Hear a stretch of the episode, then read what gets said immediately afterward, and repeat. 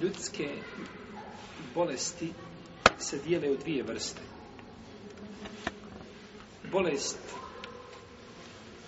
tijela i bolest srca. Ili kako kažu neki bolest duše, jel? Sli se na srce. A bolesti srca se dijele opet u dvije vrste. Bolesti uzrokovane sumnjama prvenstveno u vjeri, i bolesti uzrokovanje čovjekovim prohtjevima, odnosno slijedjenjem strasti. I nema nimalo dvojbe da su sumnje, da su bolesti srca jako opasne i puno opasnije od bolesti tijela. Jer bolest tijela ne utječe na tvoju vjeru ni u kom kontekstu. Tako. Nisi mogao klanjati u stojećem položaju, u stojećem položaju, nisi mogao sežde činiti, uzvišen je Allah na sudnjem danu, te barak je tada nećete upitati zašto mi robe nisi seždu učinio, kako sam propisao. Tako da bolest, i zato je jedan dio islamskih učinjaka kazao, da čovjek kada je bolestan, kada ima od tijelo, da mu je bolje šta da se ne liječi. Tako, da mu bolje se ne liječi. Tako. Naravno, ovo se odnosi ako čovjeku, ako ta bolest čovjeka ne odvraća od njegovih osnovnih, znači obaveza, vjerski. Protivno, čovjek je dužan da se liječi.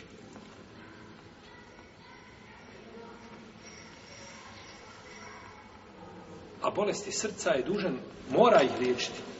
I čudimo se ljudima kada ga boli, ne znam, prst da ga boli, ili, ili bilo šta drugo od tijela, spreman da prevali dunjaluk i uzduži poprijeko da traži lijeka. A srce mu bolesno i nikad ne razmišlja o lijeku. A srce na sudnjem danu će biti vagano, tako? I na osnovu njega će čovjek biti kod Allaha, bit će njegova težina. Ne na osnovu mase koju ima, već na osnovu srca. Ila men et Allahe bi kalbin selim. Osim onoga ako dođe pred Allaha, čista srca. Nije rečeno čista tijela ovaj, sa velikom tjelesnom masom i slično tome, nego srce Čovjekom. Pa su stoga bolesti srca opasne. Čovjek vidi bolesti tijela i osjeti osjeti bolove, ali ne osjeti bolest srca. Pa mora povesti veću, znači mora mu taj generalni pregled srca biti učestan, u protivnom samo jednoga dana nađe da je srce truhlo i Allah ga pa dosta puta ljudi vode pažnju o svojim tijelima, jel tako, glancaju se, uređuju se, dotjeruju se, nema sporta i fiskulture kojom se ne bavi, ali kada je u pitanje fiskultura srca ništa. Zikr ni podrazno. To je, ne možemo jel kazati, izraz je možda pogrešan, je fiskultura srca. To je život srca. Šehol Islam Ibn Kajim bi sjedio, kao kaže njegov učenik Ibn, e, Šehol je bi sjedio sabaha i zikrio do izlaska sunca. Pa se jedne prilike okrenuo pa vidio svog učenika a kaj ima iza njega da sjedi.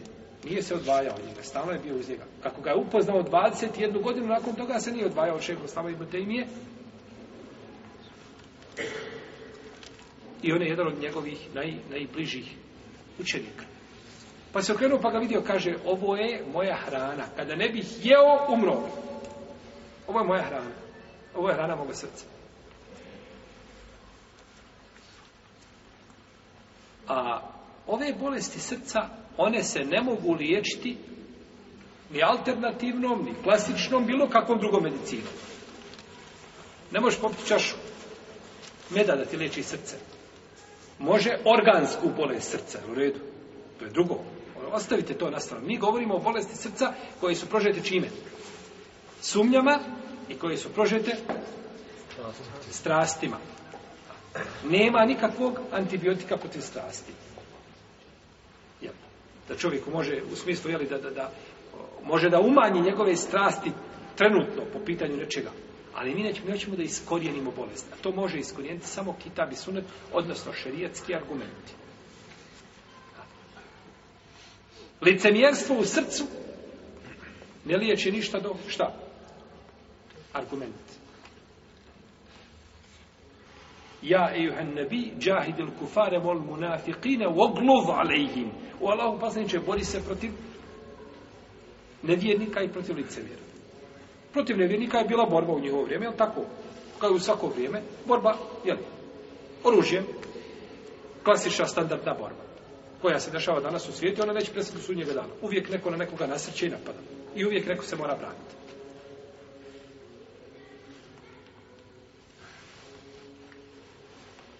Ali borba protiv licemjera, ona ne biva oružjem. Ne može se boriti protiv licemjera oružjem, zato što on klanja s tobom u safu, pored tebe u safu. Zikri, kao i ti. Obavlja hač kao i ti. Daje se kao i ti. Ne, nego protiv njega se boriš dokazima, argumentima. Iznosiš mu dokaze, znači, o njegovom i o pogredu licemjerstva i da je Inel munafiqine fi derkil esferi minen nar. I munafici će biti u najdubljim dubljama džahennema.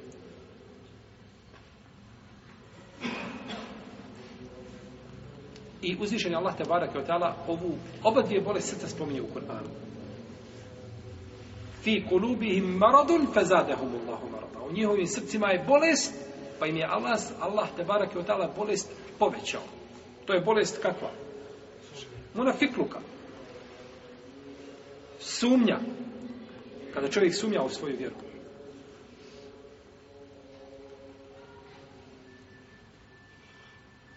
وَلِيَكُولَ الَّذِينَ فِي قُلُوبِهِمْ مَرَضٌ وَالْكَافِرُونَ مَاذَا أَرَادَ اللَّهُ بِهَذَا مَثَلًا Da bi kazali oni u čime srcima bolest i nevjernici, šta je Allah htio ovim primjerom pogledati? Bolest čega? Bolest sumnje. Kao što je spomenuo bolest prohtjeva.